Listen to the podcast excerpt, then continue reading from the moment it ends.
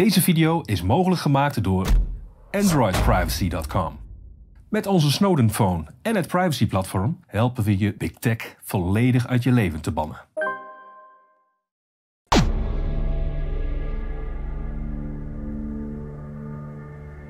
Hallo lieve mensen en welkom bij deze nieuwe aflevering van Café Weltsmerts. Ik zit hier met Ken van Ierland. Uh, Ken, jij bent groot kenner op het gebied van data en hoe je data op de juiste manier uh, toe kan passen om bedrijven te kunnen optimaliseren. Um, ja, we gaan het eigenlijk in dit gesprek even hebben over de overheid en hoe zij met die data omgaan. En of dat wel of niet de juiste manier is. Um, ja, wil je jezelf even introduceren? Je bent al een paar keer bij Weltsmets geweest onlangs, maar misschien dat je er nog iets over kwijt wil. Ja, ik ben uh, directeur van Future Excel. Wij houden ons bezig met uh, eigenlijk uh, optimaliseren van bedrijfsprocessen in combinatie met technologie. En dat maakt het ook voor dit onderwerp heel interessant, hè? want het gaat hier eigenlijk over big data. Wat kan je met big data? Nou, mijn bedrijf richt zich op het creëren van waarde en innovatie. Dus dat betekent dat je met data heel veel creatieve en positieve dingen kan doen. Maar we weten ook dat die technologie in staat stelt om er ook hele sinistere dingen mee te doen. Ja. Ja en, dan, en dan kom je natuurlijk op het, vak, op het vlak uh, terecht. Waarbij, uh, hoe ga je dat nou voorkomen? Hoe breng je daar nou balans in? En uh, dan heb je wet en regelgeving, gaat daar een rol in spelen. Maar ook in de naleving van die wet en regelgeving. Ja. En wat zijn nou de ambities van de overheid in, in de besturing van het land, waarbij ze gebruik willen maken van data als onderdeel van de digitalisering van de samenleving? Mm -hmm. Nou, dat is natuurlijk een hele interessante reis, die overigens al heel lang geleden is begonnen. Ik bedoel, ja. serieus lang geleden is begonnen. Mm -hmm. Dan heb je het over de dynamiek tussen volk en overheid of over de technologische ontwikkeling zelf?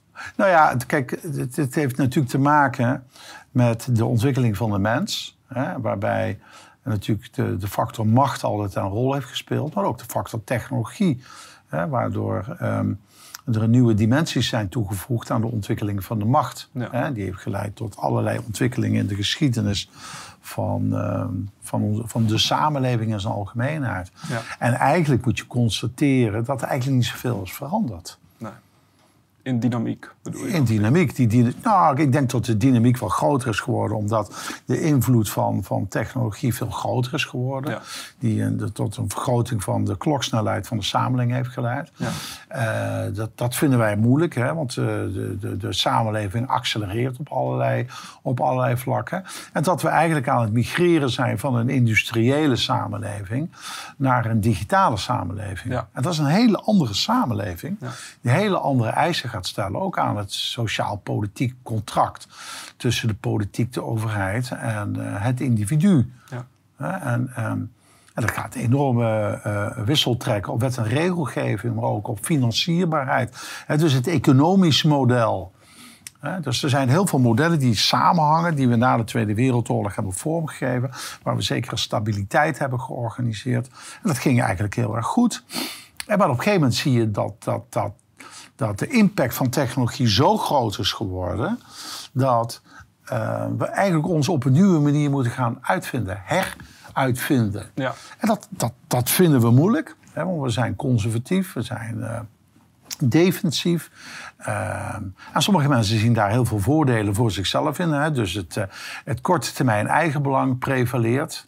Uh, waarbij mensen politieke macht willen, naar zich toe willen trekken. Of mm -hmm. geld naar zich toe willen trekken. En dat is zo oud als de mensheid. Ja, ja. dus jij ziet wel een soort van samenwerking tussen, op dit moment tussen de overheid en mogelijk big tech bedrijven om uh, controle verder toe te laten nemen op digitale wijze? Of zie je dat vooral als incompetentie? Of? Ik, ik, ik, uh, ik ben daar wat genuanceerder over. Ik zie dat um, de mogelijkheden van technologie door de politiek worden begrepen. Ja. He, dat hebben we natuurlijk ook meegemaakt met de verkiezingen bij uh, de Trump-verkiezingen. Een aantal jaar geleden, waar dat schandaal boven kwam over het misbruik van data mm-hmm. door high-tech bedrijven. He, maar die waren eigenlijk uit op korte termijn eigen belang. Ja. Ja, en, en waar de politiek zich aan gelaafd heeft om daar voordelen uit te halen. Om het publiek, hè, de massa, te kunnen bewerken in hun stemgedrag. Ja. Nou, dat is zo oud als de, het is zo, ja, het is zo oud als de mensheid. Ja, ja, dus de, de technologie gaat ons in, in staat stellen om dingen te doen eh, waarmee we dus onze eigen belangen kunnen nastreven. Ja, En, en dat is niet nieuw. nee, precies. Alleen door de, de wijze waarop wij nu in een wereld leven van data. hè, En wat is data? Ja, data op zich heb je niet zo gek veel. Data is versplinterd. zijn, zijn Lego-blokjes. Maar data is net als met Lego. Daar kan je huizen mee bouwen. Maar met data kan je informatie maken. Ja, En op het moment dat je informatie gaat creëren over jou of over bedrijven of over landen, dan, dan, dan ben je in staat om dat te beïnvloeden. ja, En als die beïnvloeding bij een hele kleine groep mensen komt te liggen, dan heb je een probleem. Dan, dan kan je een probleem hebben. Ja. Ja, dan kan je dus de- een probleem hebben. De middelen zijn eigenlijk veel geavanceerder dan dat dat vroeger is geweest. Absoluut. We leven natuurlijk in een, in een, in een, in een, in een, elektronische samenleving waarbij de technologie zoveel kan. Hè. Ik heb nog meegemaakt dat we heel veel wilden, maar dat de technologie dat niet kon. We leven nu in een maatschappij dat de technologie veel meer kan dan wat wij kunnen bedenken. Ja. Dus dat betekent dat de grote massa maakt wel gebruik van die technologie, maar in zeer beperkte vorm. Ja, Hè? Maar de echte slimmerikken, die die, die die technologie goed begrijpen... die zijn in staat om ontzettend veel macht naar zich toe te trekken. Nou, en kan zich uitsplitsen eigenlijk altijd over twee assen. De mensen die geïnteresseerd zijn in het geld... Hè, er zijn mensen die zijn in de macht en niet zozeer in het geld. Maar daar is het geld het instrument om de macht te verzamelen. Ja. En er zijn mensen die zijn slechts alleen geïnteresseerd in het geld. En die zeggen van ik wil een huis in Saint-Tropez en, een Bentley voor de deur. Dan ben ik klaar. Hè? Maar de mensen die het geld gebruiken om macht na te streven... die gebruiken die technologie eh, om zich daarmee te bevoordelen. ja, Nou, daar gaan we het eigenlijk vandaag eens een beetje over hebben. Dat, dat, hè, we schilderen het af aan een groot maatschappelijk complot. Dat is niet zo. Hè, want dan zou dat complot, complot namelijk al duizenden jaren bestaan. En zoals Machiavelli dat heeft beschreven in Il Principe... Hè, dat zit gewoon in de mens. ja, Hè, zoals de mens is gemaakt en zoals de mens heeft geëvolueerd... Hè, eigenlijk is de mens hetzelfde gebleven. neigt naar meer controle, meer macht. Ja, en, en daarom altijd. Die kunt constante centralisatie. en Ja. die- ja. Want jij weet daar veel van over wat er in het verleden ook, wat er in de geschiedenis gebeurd is. Nou ja, kijk, als je de toekomst wil begrijpen... dan moet je je geschiedenis goed begrijpen. Ja, En het is natuurlijk ooit begonnen in Europa met de Magna Carta. De Magna Carta was een, eh, eigenlijk de opstand van de edelen tegen de Engelse koning. Die zeiden van, wij willen ehm, ehm, dat je je macht gaat delen met ons... zodat wij op een effectieve wijze die samenleving kunnen besturen. Ja. En, en toen zijn de edelen in opstand gekomen en toen hebben ze een contract getekend. Een nieuw sociaal-politiek contract. Waar de koning zijn macht zou moeten gaan delen. Dat heeft hij ook getekend. Hè. En, eh, en toen heeft de koning heeft een trucje uitgehaald. Hè. Wat is er zo nieuw aan? En die heeft eh, toestemming gevraagd van de paus om zich te verzetten tegen de geest van dat contract. En vervolgens is hij met, dus met de, de, de kerkelijke macht... is hij de wereldlijke macht gaan, eh, gaan inrichten... en is het conflict aangegaan met de edelen. En dat heeft geleid tot een honderdjarige strijd... over de verdeling van de macht. Ja, ja. Nou, en, en dat was eigenlijk het begin van de eerste stappen in de democratie... de ontwikkeling van de democratie... van de verdeling van de macht in Europa. Nou, en daar kreeg je allerlei technologische ontwikkelingen. En dat was natuurlijk de uitvinding van de boekdrukkunst. Ja. Dat was natuurlijk een hele belangrijke. En uitvinding van buskruid. Ja, dus het heeft allerlei technologische ontwikkelingen hebben die versnelling gebracht in, in, in, in dat model. Ja, en met de uitvinding van de boekdrukkunst was eh, Luther natuurlijk in staat om het woord en zijn visie op de, op de Bijbel, om die op een andere manier eh, vorm te geven Ja. en die te verdelen, te democratiseren onder het volk. Want Ja. het, waren de, de, de, de- het waren de kloosters en de kloosterlingen die de macht hadden, Mhm. omdat ze de kennis en de vaardigheid hadden van het geschreven woord. Ja, Ja. En konden daarmee ook het volk dus eh, eh, intimideren en onder controle houden. De katholieke kerk heeft daar natuurlijk geweldig gebruik van gemaakt. Om het volk natuurlijk eh, onder druk te houden. Hè. Dus je had de wereldlijke macht, je had de kerkelijke macht. En de ene zei tegen de ander, als gij ze arm houdt, hou ik ze dom. Ja, Ja? ja. Er is nooit iets veranderd. En dus door de technologische ontwikkeling heb je dus uiteindelijk is de reformatie tot stand gekomen, waarbij het volk mondig werd gemaakt.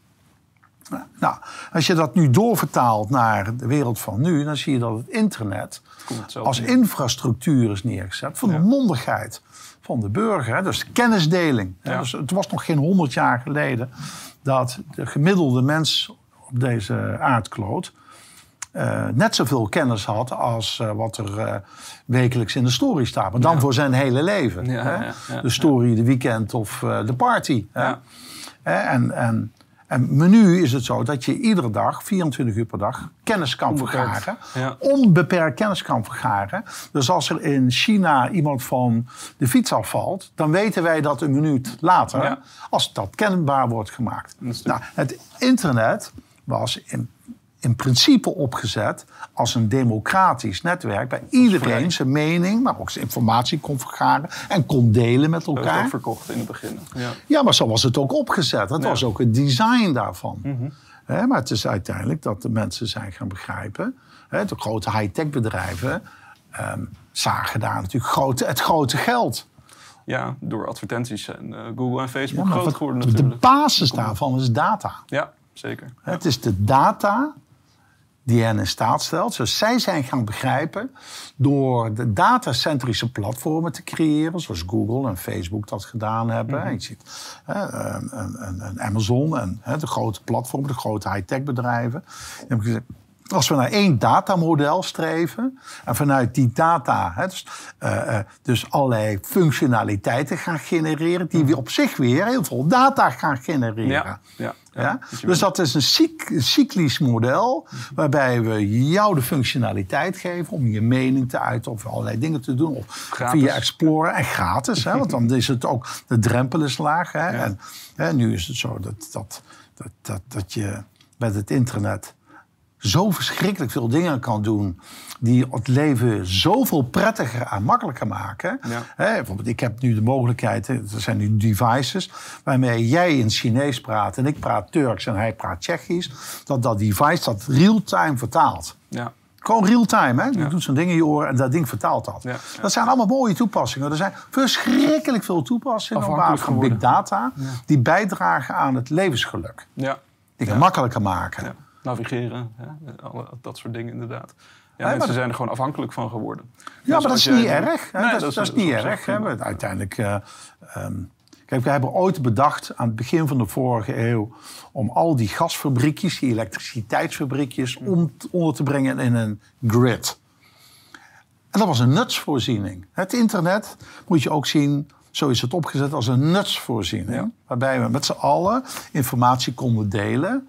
En daarmee ook heel veel dingen konden doen. Maar dat zijn natuurlijk allemaal hele slimme mensen. Ja. Die denken van, maar daar kan ik ook mezelf mee verrijken. Hè, door, door een platform te creëren waarbij mensen met elkaar kunnen praten, zoals Facebook. Dat was in principe opgezet. Dat was een heel leuk instrument. TikTok is gekomen, Instagram is gekomen. Nou ja, er zijn zoveel andere vormen. Maar die allemaal op hetzelfde principe is dat wij... Eh, en vroeger leefde je in een dorp. En je kende iedereen in het dorp, maar niet de mensen die in het andere dorp woonden. Ja, dat is nu anders. Maar nu kan je met mensen praten die aan de andere kant van de wereld. En met elkaar delen wat jouw normen en waardepatroon is. Ja. En wat jou makes you happy. Ja. Ja, Alleen, daar zijn mensen achter die zeggen van... wacht even, het gaat hier om data. Ja. Nee, Wat kan ik met die data? Ads. Hè? Meneer Zuckerberg die zegt van ads. Ja. We make money through ads. Dus die zegt van... als iedereen daar naartoe komt... dan vinden eh, bedrijven het interessant... dan kunnen ze hun producten en diensten verkopen. Dus data stelt je dus in staat... om, om het koopgedrag van het individu te gaan volgen. Ja.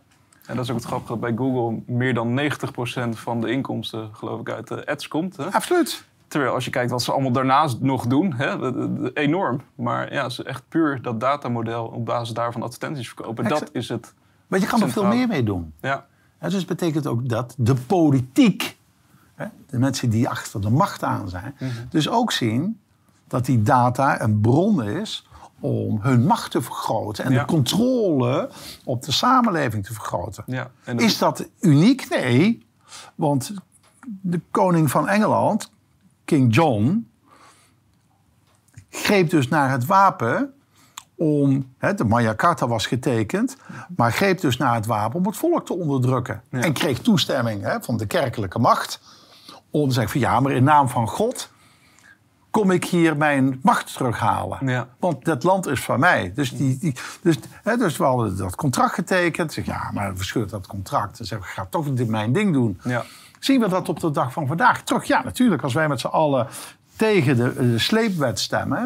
dan zie je dat de politiek toch doorvoert. Ja.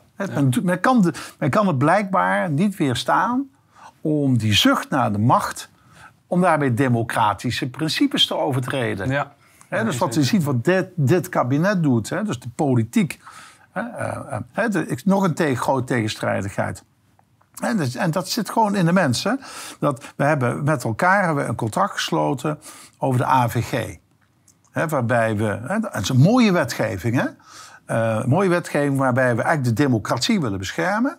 Een level playing field willen creëren waar we het de individu, want dat is de kracht van de democratie in onze westerse wereld, dat is de bescherming van het individu. Ja. Hè, Dat is toch een nobel, hè, nobele doelstelling. En dat is die in die wet heel goed vastgelegd, waarbij we zeggen van het gaat om jouw persoonlijke data. En de uitvinder van het internet heeft het verborgen nog in het FD, heeft hij dat eh, toegelicht, dat hij terug wil naar de basisprincipe van het internet. Dat het gaat om infrastructuur, om de nutsvoorziening vanuit het sociaal contract wat wij hebben met elkaar, is dat we informatie met elkaar willen delen. Kijk, Ja. de boekdrukkunst was natuurlijk ook niet uitgevonden als een repressief middel. ja. Het was de bedoeling om het woord te democratiseren, Ja. om de kennis te democratiseren. Wat heel belangrijk is, want op basis van informatie worden mensen hun perceptie bepaald. Dus Exact. En dat heeft geleid tot de renaissance en het heeft geleid tot de reformatie.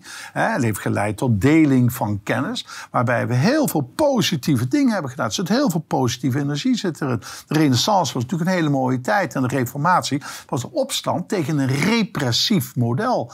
Dus de kerk die, dus de, die die samenleving op een repressieve manier bestuurde en, en daar ontzettend veel geld aan verdiende. Dat was eigenlijk was de katholieke kerk was de Facebook van de middeleeuwen. Ja, ja, ja.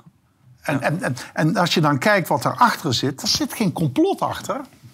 Dat is wat Machiavelli heeft beschreven als het, in het boek Il Principe, de heerser, waarin hij beschrijft in het, hoe, de mens zich gedraagt. Dus als je twee mensen bij elkaar zet, heb je een complot. Ja. Zet je er drie, is nog een groter complot. En waarom? Omdat ze allemaal gaan voor hun eigen belang. En dat zie je al op de kleuterschool. Hè, daar zie je de juffrouw rondlopen. En dan zie je kinderen die nemen hun posities in... om het beste voor zichzelf eruit te halen. ja. Nou, in de grote mensenwereld zien we dat dat natuurlijk uitgroeit tot ja, hele ingenieuze mechanismes. Waar mensen elkaar laten struikelen, waar men- mensen naar de macht grijpen. En uiteindelijk zie je dat technologie ons in staat stelt, omdat we van nature allemaal superlui zijn. De technologie ons in staat stelt om met die technologie als hefboom die macht naar ons toe te trekken. ja. ja. En we hebben natuurlijk in het feodale tijdperk was het zo dat 3% van de bevolking had 96 of 97% van het land in handen.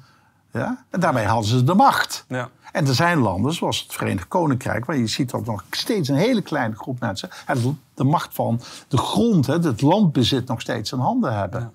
Eh, Terwijl wij gekozen hebben in Nederland, met onze opstand tegen de Spanjaarden, om een vereniging van een aantal steden, een, een model neer te zetten, een soort republiek met een prins erboven. Hè, dus we hadden een, een ingenieuze governance bedacht. Dus de, de, de heersers van de steden in een soort republiek met een prins daarboven. Dan denk van, hoe kan dat nou? In Frankrijk begrijpen ze daar helemaal niets van.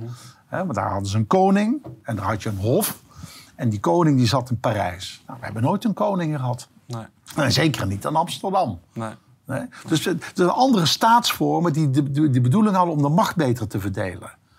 Want wij hadden natuurlijk meegemaakt wat repressie betekende. Mhm. Want er zat een grappenmaker in Madrid...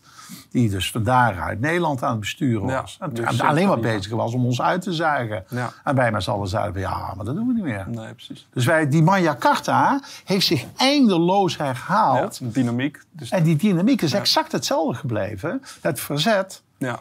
tegen de, de repressieve macht. Een soort controle uitgerold. Dan ontstaat er weer een revolutie, omdat mensen er klaar mee zijn. Vervolgens komt er weer een veel grotere vorm van of democratie of iets voor de mensen voor terug.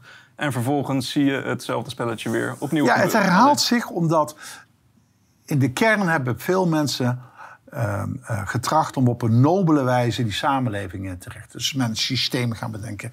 En dat hebben natuurlijk de Grieken hadden dat natuurlijk al bedacht eh, met de democratie. En wat we zien is dat we dus, eh, dus, dus bestellen en besturen neerzetten. En op een gegeven moment door de vorm van, ik noem dat altijd een soort laissez-faire beleid, waarbij we compromissen gaan sluiten, die allemaal voortkomen uit eigen belang, zie je dat op een gegeven moment vervuiling op gaat treden in Ja. die samenleving. En ook door technologische ontwikkeling, zo heb je ook in de Eerste Wereldoorlog meegemaakt, is het zo'n bloedbad geworden, omdat uiteindelijk in staat waren om op een industriële manier oorlog te voeren. Terwijl we eigenlijk in onze mindset nog bezig waren met 1815. Ja. Ja? En, en, dus dat betekent dat de ontwikkeling van de technologie de laatste, laten we zeggen, wel 50 jaar is zo gigantisch omhoog gegaan. Dat hele slimme mensen heel goed begrijpen dat je, je kan er heel veel geld mee verdienen. Ja. Maar je kan er ook heel veel macht mee ontwikkelen. Ja, dus de, de infrastructuur is eigenlijk op commerciële wijze ontstaan. Absoluut. Daarmee is het begonnen. Maar wat je nu ziet is dat overheden door middel van het aanpassen van wet en regelgeving steeds meer toegang proberen te krijgen Ja. tot die op commerciële verwijze data. Dus die, Maar die manier. laat, ik- laat, laat ik het zo vertellen. Ik heb jaren geleden heb ik meegewerkt aan een project waarbij we zeiden van als we alle data van alle Nederlanders centraal zouden stellen. En dat is helemaal niet ingewikkeld, hè, want we hebben allemaal een BSN-nummer. Dus als je dit land binnenkomt en je wordt lid van het clubje of je wordt hier geboren, krijg je een BSN-nummer, ben je een Nederlander. En die zetten we in één grote database. Dat er 18 miljoen Nederlanders met allerlei specifieke kenmerken zitten daarin. Om die samenleving goed te kunnen laten functioneren, ga je allerlei diensten aanbieden, zoals het verlenen van een paspoort of een rijbewijs of identiteitskaart. Maar ook dus de aansluiting gas, water en licht. Dus, je- dus je kan je voorstellen dat als al die vanuit de mens staat centraal in onze samenleving, zo hoort het ook, en de mens staat ook centraal. De hele geschiedenis staat de mens altijd centraal. Is dat we dus infrastructuur zijn gaan bedenken, zoals ook het gas, water en licht hè, in een grid. Was een nutsfunctie. Ja. En je had vroeger nutsbanken. Je had dus heel veel nutsvoorzieningen die bedacht werden door nobele mensen in de overheid ter meerdere glorie van het geluk van de burger. Ja. Ja, en dat is een hele lange tijd. is dat heel erg goed gegaan.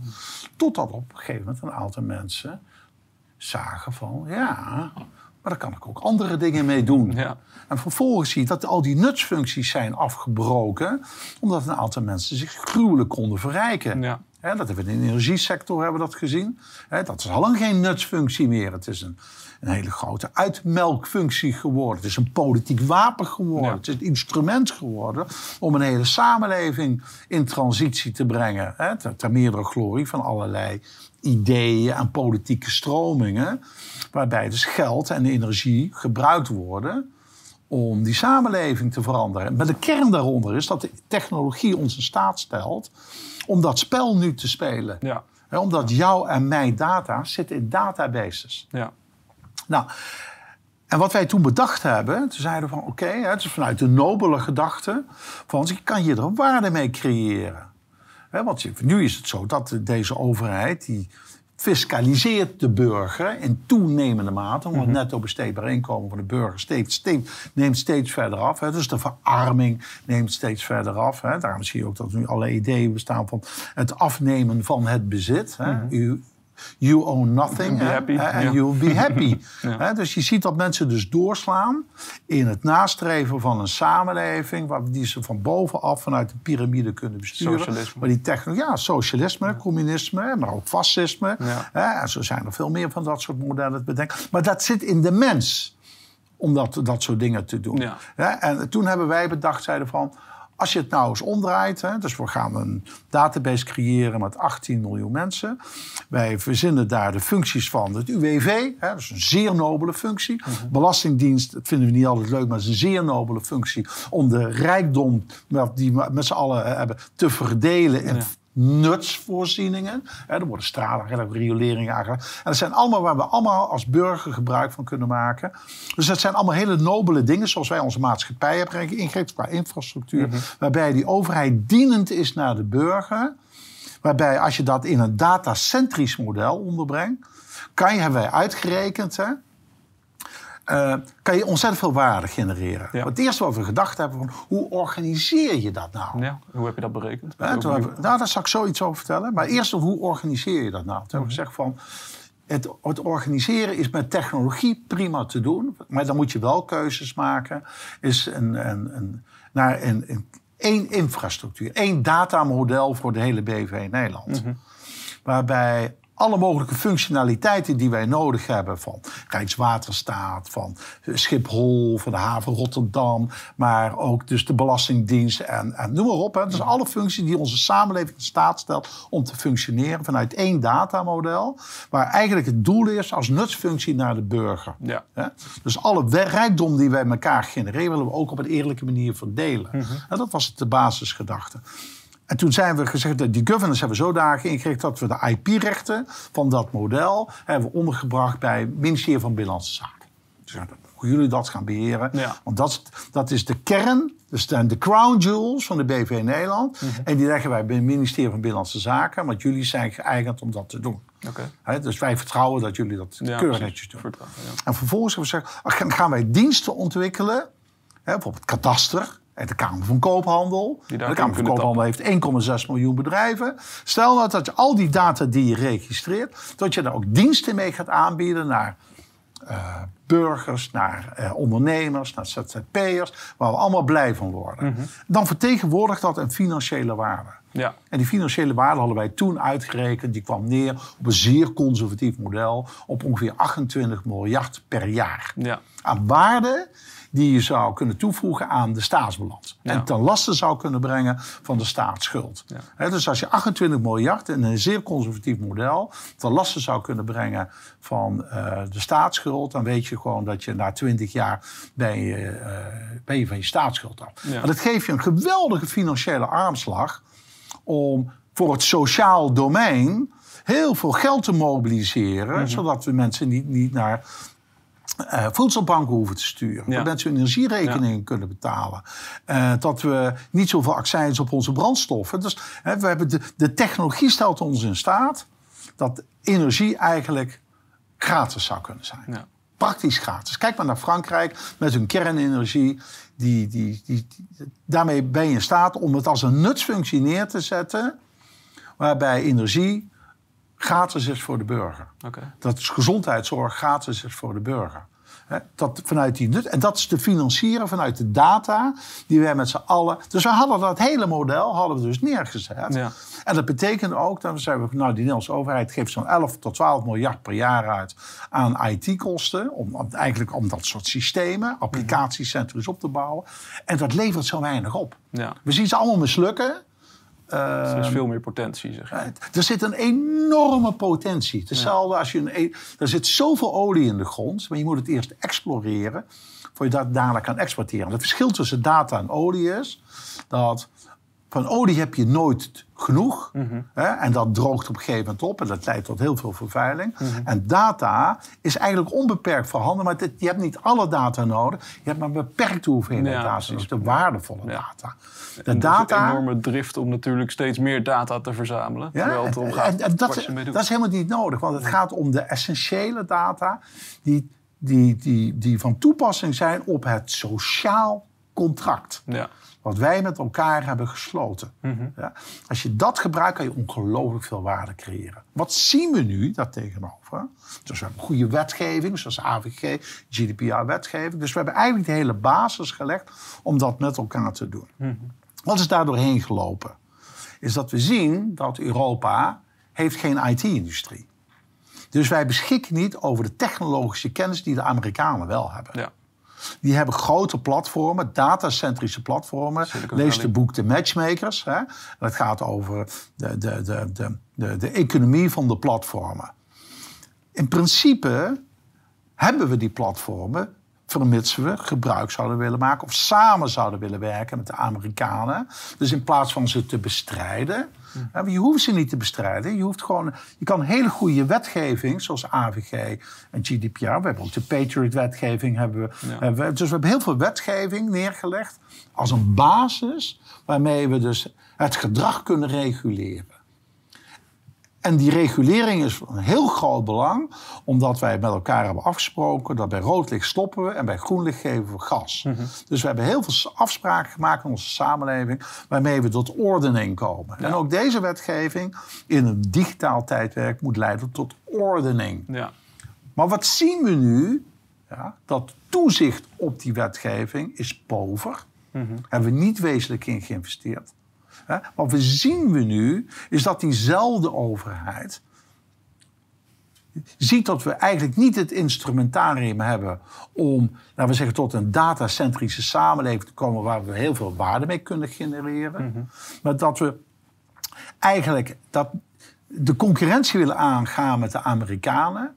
En dat we nu met, met gesubsidieerd geld, institutioneel geld, wat wij met z'n allen verdiend hebben in Europa, het eigenlijk op, weer opnieuw aan het uitvinden zijn. Op Ja. een hele complexe manier.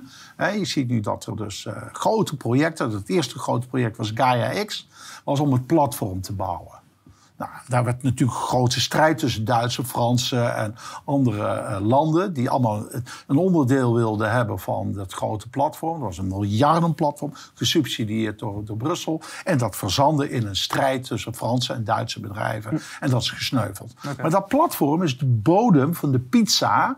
waarop die hele infrastructuur gebouwd moet worden.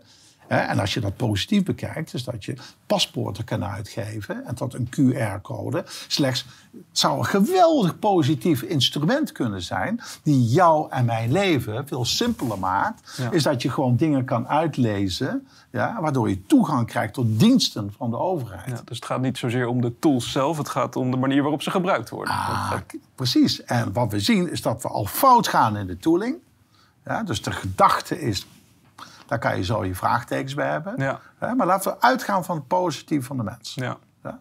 Dus de, de nobele gedachte om tot een samenleving te komen in Europa... waar wij met z'n allen, met 430 miljoen mensen, baat bij hebben... die gaan leiden tot meer welvaart, meer eh sociaal... hè, dus de verdeling van die welvaart. Nou, op alle fronten verbetering van de samenleving.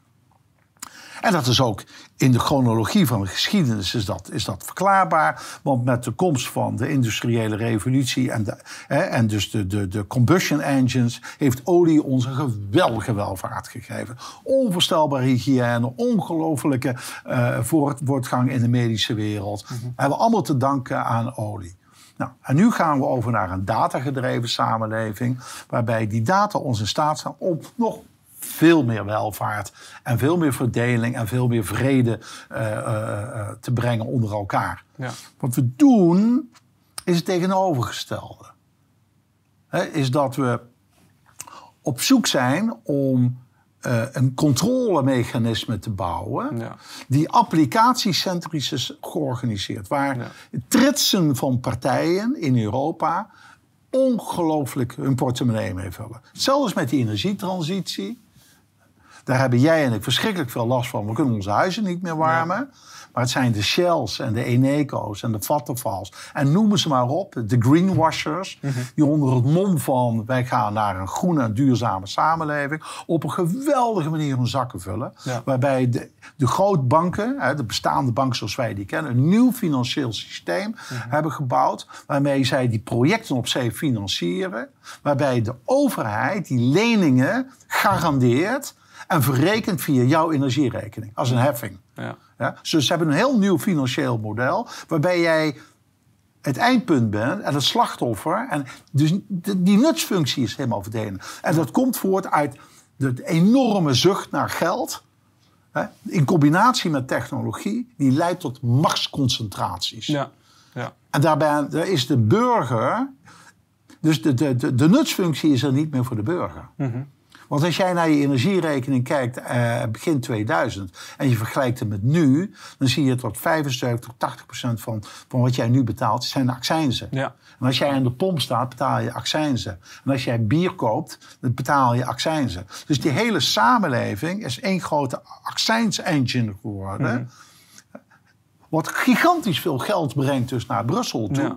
En wat doet Brussel ermee? Die gaat daar macht mee ontwikkelen. Ja. Ja. En de machtsfactor die daaruit gaat komen, is dat ze technologie willen gebruiken vanuit dit soort techplatformen. Niet de Amerikaanse techplatformen, nee, hun eigen techplatformen, die er niet zijn. Ja. Dus Ja. die zijn ze nu aan het bouwen. Dus ze hebben een heel groot megalomaan project op gang gebracht.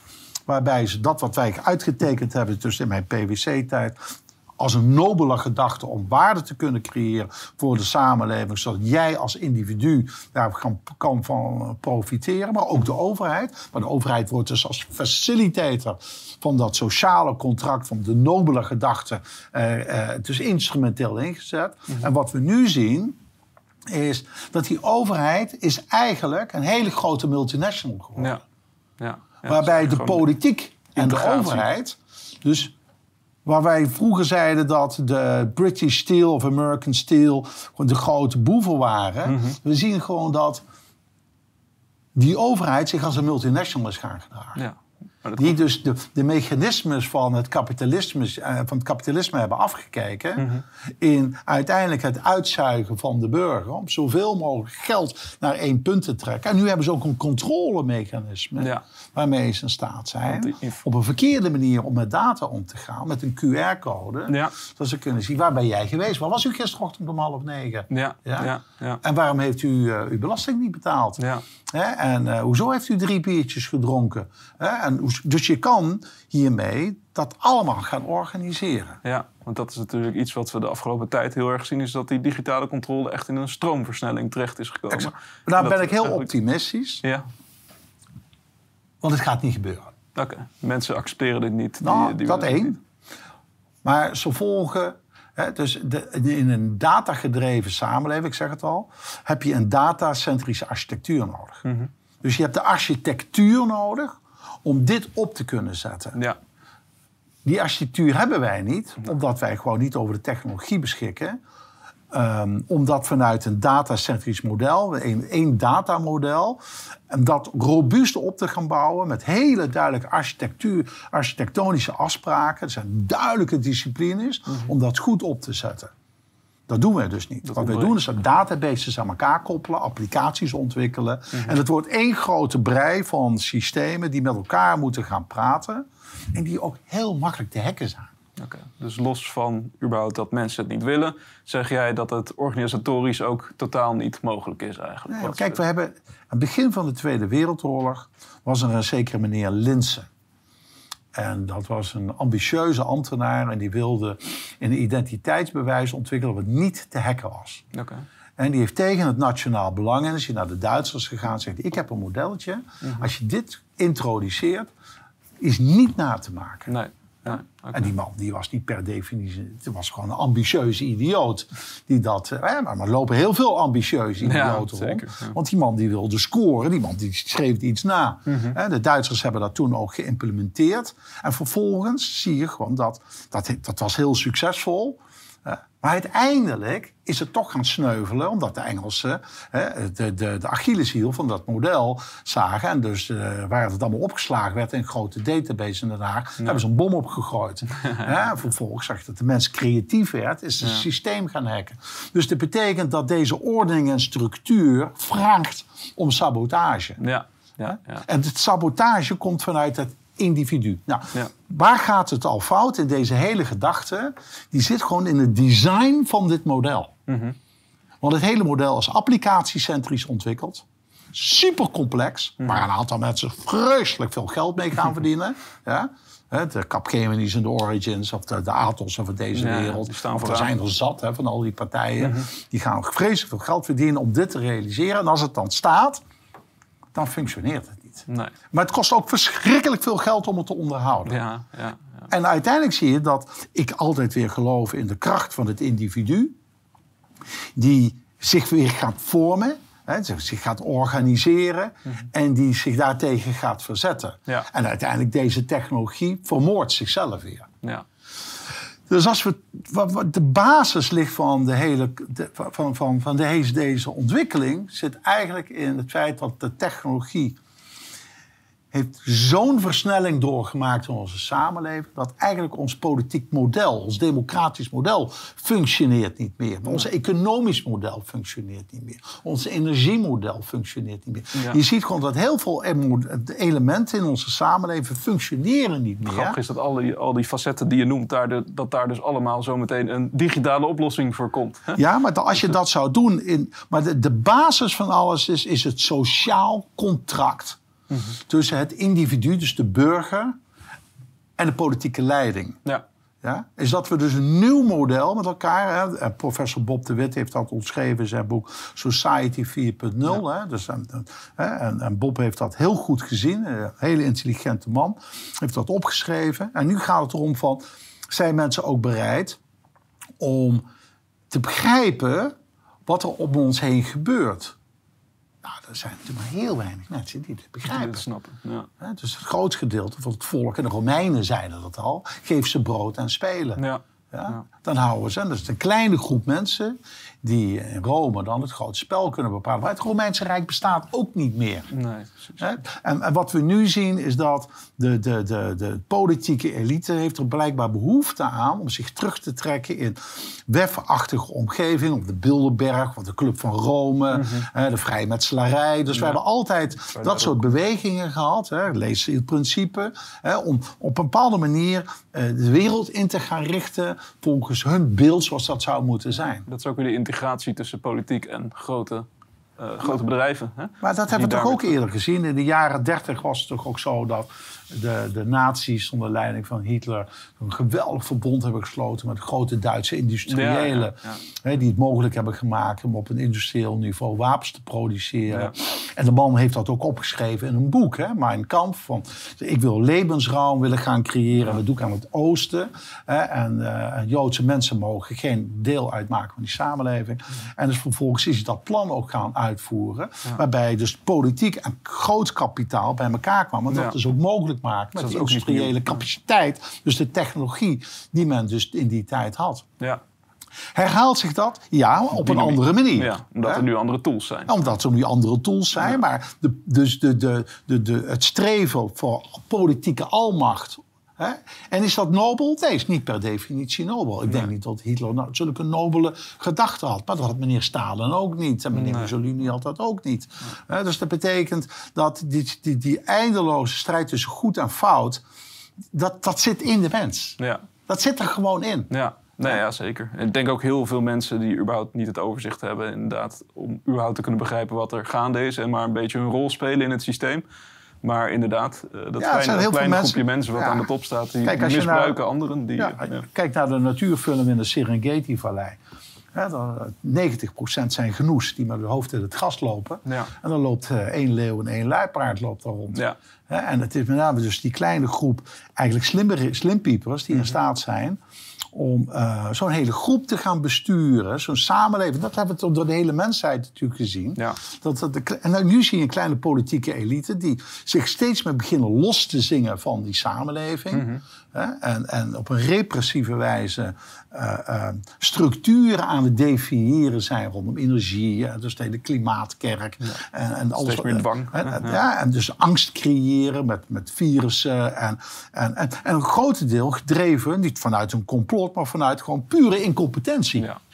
Dus jij denkt wel dat het probleem zoals een virus of, of stikstof, dat, dat komt op een pad en daar wordt dan misbruik van gemaakt. Nou, dat, dat, dat, mensen, proberen daar een, hè, mensen proberen daar hun eigen voordeel mee te behalen. Hè? Ja. Dus, dat, dat- dus de veranderingen in ons klimaat, hè, die gebeuren nu eenmaal zo. Hè? Mhm. Dat dat wordt aangegrepen om eh, nieuwe structuren te creëren waar zij baat bij hebben. Mhm. Ja.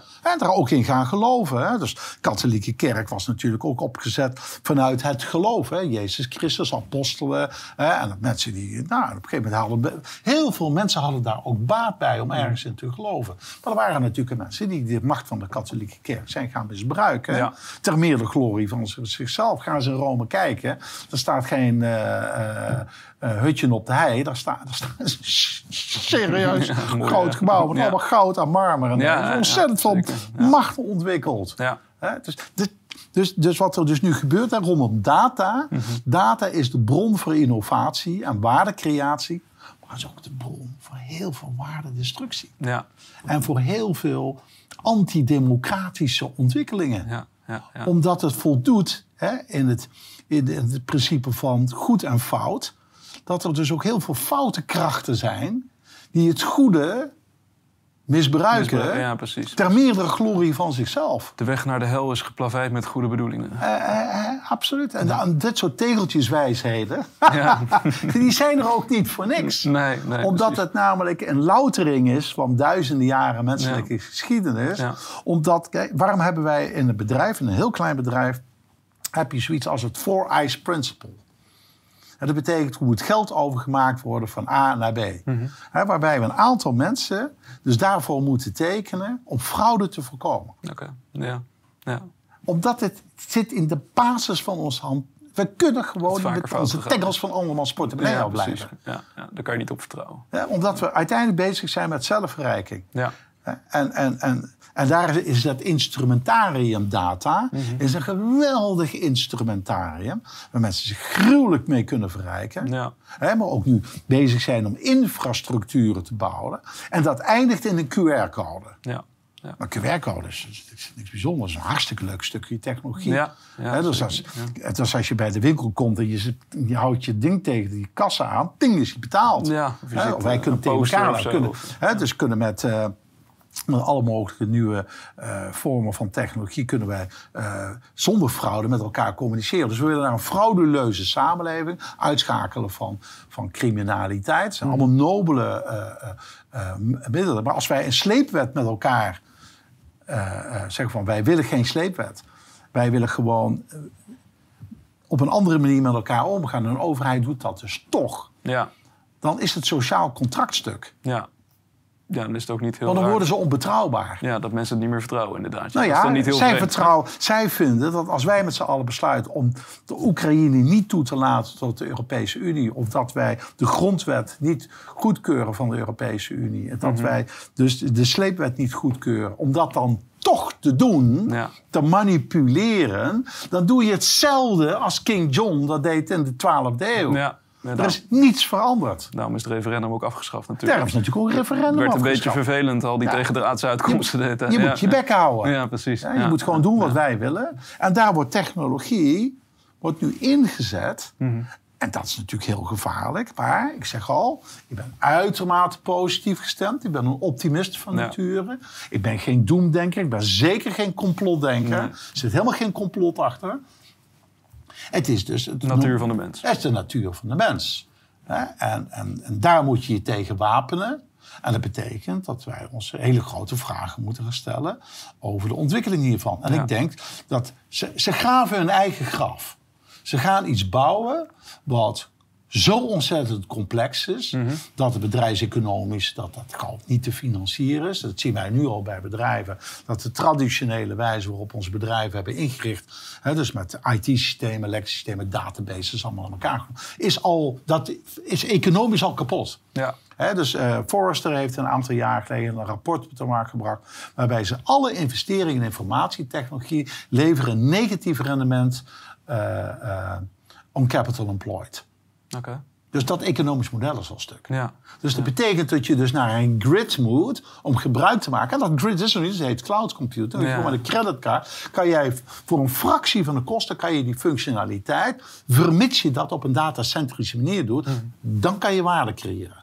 Doe je dat op de ouderwetse wijze, zoals zij hier dus nu een hele infrastructuur willen gaan bouwen, Mhm. ter besturing van 430 miljoen mensen, dan weet je dat bedrijfseconomisch is al kapot. Het tweede is dat het in strijd is met wet en regelgeving. ja, maar dat is niet de eerste keer natuurlijk. Ja, maar dat zeg, ik zeg hier wat. Hè? Dus Ja. ik zeg gewoon dat diezelfde overheid in Brussel dus bezig is om een platform te bouwen. Wat in strijd is met wet en regelgeving, omdat het namelijk het individu niet beschermt. Ja. Het gaat om jouw data. En dat is wat die uitvinder van het internet ook vanmorgen in het FD heeft gezet. Het is stuk. Ja. We moeten terug naar de basic principles. Toen we het internet neer hebben gezet als een nutsfunctie. Hè, waarbij demos uiteindelijk dus de, de leidmotief was. Daar moeten we terug naartoe. Ja. En ik denk ook dat wij in, in, in het sociale vraagstuk terug moeten naar de basisprincipes van de democratie. is de deling van de macht. Ja. Hè, Die mensen daar in Den Haag, die zitten er voor ons. En niet wij, dat wij er voor hen zijn. Nee, precies. Dat waar je het nu ook over hebt, dat zijn vooral top-down op oplossingen. Dus er moet in de top iets veranderen om de invloed op de, op de mensen in de onderste laag te veranderen. Ehm, maar er zijn ook heel veel, daar hou ik me onder andere mee bezig, bottom-up oplossingen. Dus er zijn ook heel veel zaken waar mensen zich in kunnen verdiepen om die data meer bij zichzelf te houden. Tuurlijk. En dat niet per se eh, Mensen allemaal. zijn creatief. Ja, nee, zeker. Dus er ontstaan ook heel veel eh, Tegenbewegingen. mooie projecten tegen beweging inderdaad. Als soort grassroots ontwikkelingen die ervoor zorgen dat, dat mensen ook zelf weer eh, macht in eigen handen nemen. Dus dat is, Absoluut. dat is ook wel iets wat eh, Absoluut. positief stemt. Dus ik, ik ben heel optimistisch gestemd, omdat ik zie dat wat ze aan het bouwen zijn, gaat het niet worden. Dat is, dat is een soort toren van Babel, Ja. die vanzelf al een keer in elkaar stort onder zijn eigen gewicht. Ja. Zie je dat in China dan ook gebeuren? Nou, het is een ander soort samenleving. Hè, Het is geen democratische samenleving, maar het is een, het is- China is natuurlijk een heel oud land. Ja. Hè, Toen wij hier nog eh, eh, wormen onder de grond zaten te eten, hadden zij al een hoogstaande beschaving. Hè, en, en China, kijk, je kan zeggen van China wat je wil, maar ze hebben nog nooit andere landen, eh, eh, eh, eh, we zeggen, overgenomen. Dus ze hebben die opgebouwd goed om de vijanden buiten te houden. Ja. En niet om die technologie te gebruiken om andere landen te overheersen. Mhm. Hè, en dus de vraag is dat China komt uit een onvoorstelbare armoede. Ja. Hè, dus ik weet nog goed in mijn jeugdjaren dat, dat, dat die Chinezen hadden niks. Liepen allemaal in mouwpakjes, ze hadden niet te vreten. En, en, en het dichtstbevolkte land ter wereld. En als je nu ziet dat pas 400 miljoen mensen een levensstandaard hebben... Ja. die vergelijkbaar is met het Westen. Dat betekent dus dat er nog 1,1 miljard rondlopen die dat dus niet hebben. Ja, ja. Dus de belangrijkste doelstelling is van China is. En zij weten dat de enige manier om daar te komen is via een vrije markteconomie. Hè, dus als jij in Shanghai rondloopt, dan zie je alle westerse merken. Ze rijden allemaal, in, als ze dat kunnen betalen, in westerse merken. Dus dat betekent dat zij een serieuze macht worden in de wereld. Ja. Ja, wat vanuit een ander politiek systeem. Daar hebben ze toen, en daar kan je alles van zeggen. Hè, en daar zijn heel veel misstanden. Maar die hebben wij hier ook. Ja. Ja. Ja. Want dat democratisch model wat wij hier met elkaar, zoals dat nu verwoorden is, begint steeds meer op hun model te Mhm. Ja, lijken. precies. En dat is wat veel mensen natuurlijk Ja. eh, zorgen baat. Ja. Ja. Ja. En dat is wat ons zorgen baart. Dan zeg je, ja, maar wacht eens even. Willen wij dat wel? Ja. Gaan we weer terug naar het model van King John? Ja. De almacht van de koning. En, ehm, en dat betekent, it's trickling down. Hè? Dus Mhm. daar waar de edelen optraden tegen de koning... betekent dat er ook meer vrijheden kwam voor het volk eh, onderin. Mhm. Op het moment dat de macht steeds meer naar, naar boven gaat... Eh, dat betekent ook in de trickling down dat er steeds minder vrijheid en minder welvaart gaat komen. Ja. Eh, waarom, hè, we lopen nu al, wat hadden we, wat las ik nou? 30% van de Nederlandse gezinnen kunnen energierekening niet meer betalen. ja, bizar. Ja. Ja. En het enige wat je hoort is allerlei eh, parabels, om het nou zo, eh, van dat het daaraan ligt. Mhm. Hè, maar niemand gaat ervan uit eh, wat nou de, de, root cause is van het hele probleem. Ja. Denk je dat het ook met eh, afhankelijkheid staat gelijk aan controle? Dat het daarmee te maken Ja, heeft? dat zijn eh, allemaal mooie tegeltjes wijsheden die allemaal ontstaan zijn door eh, de, de, de wetmatigheden die wij als mensen hebben gecreëerd door Ja. de eeuwen heen.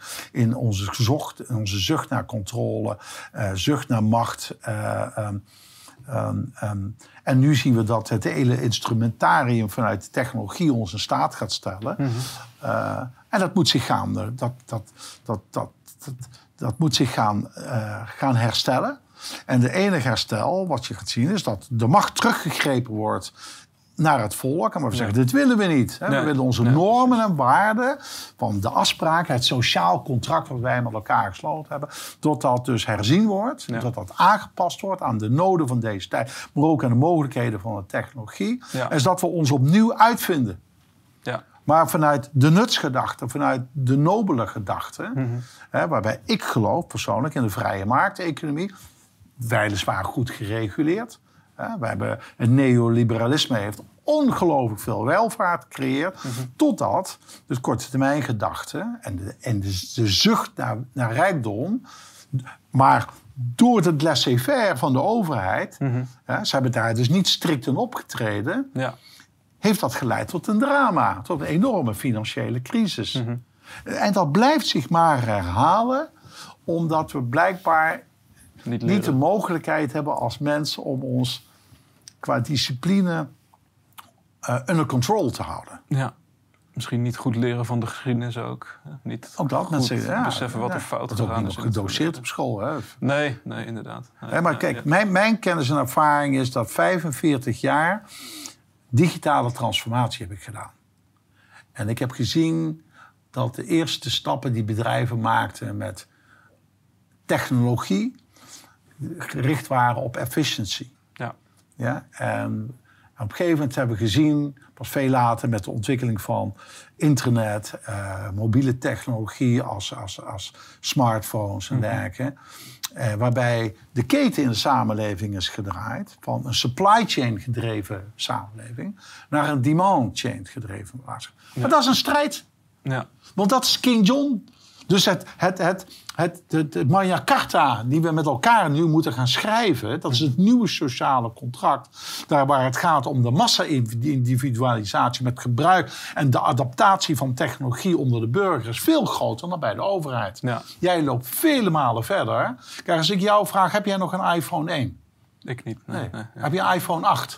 Ook niet. Nee, Ook geen, niet, geen hè? iPhone. Nee. Maar die overheid die werkt nog met systemen die 40, 50 jaar geleden zijn gebouwd Ja, door mensen ja, ja, ja. die nu in de bejaardentehuis of al lang overleden zijn. Ja, precies. Dus die hele structuur van, van de verkokering waarmee we dat hebben opgericht, Mhm. dat, daarmee proberen we nu in de gedigitaliseerde wereld. Nou, dat willen zij nu in één keer om gaan gooien. Ja, ja. Door daar een megalomaan applicatie, het is eigenlijk een kopie van het verleden, Mhm. maar in een technologisch nieuw jasje gestopt, maar vanuit dezelfde governance en vanuit dezelfde gedachte een nieuw operating model neer te zetten voor deze samenleving, Mhm. die een kopie is van het verleden.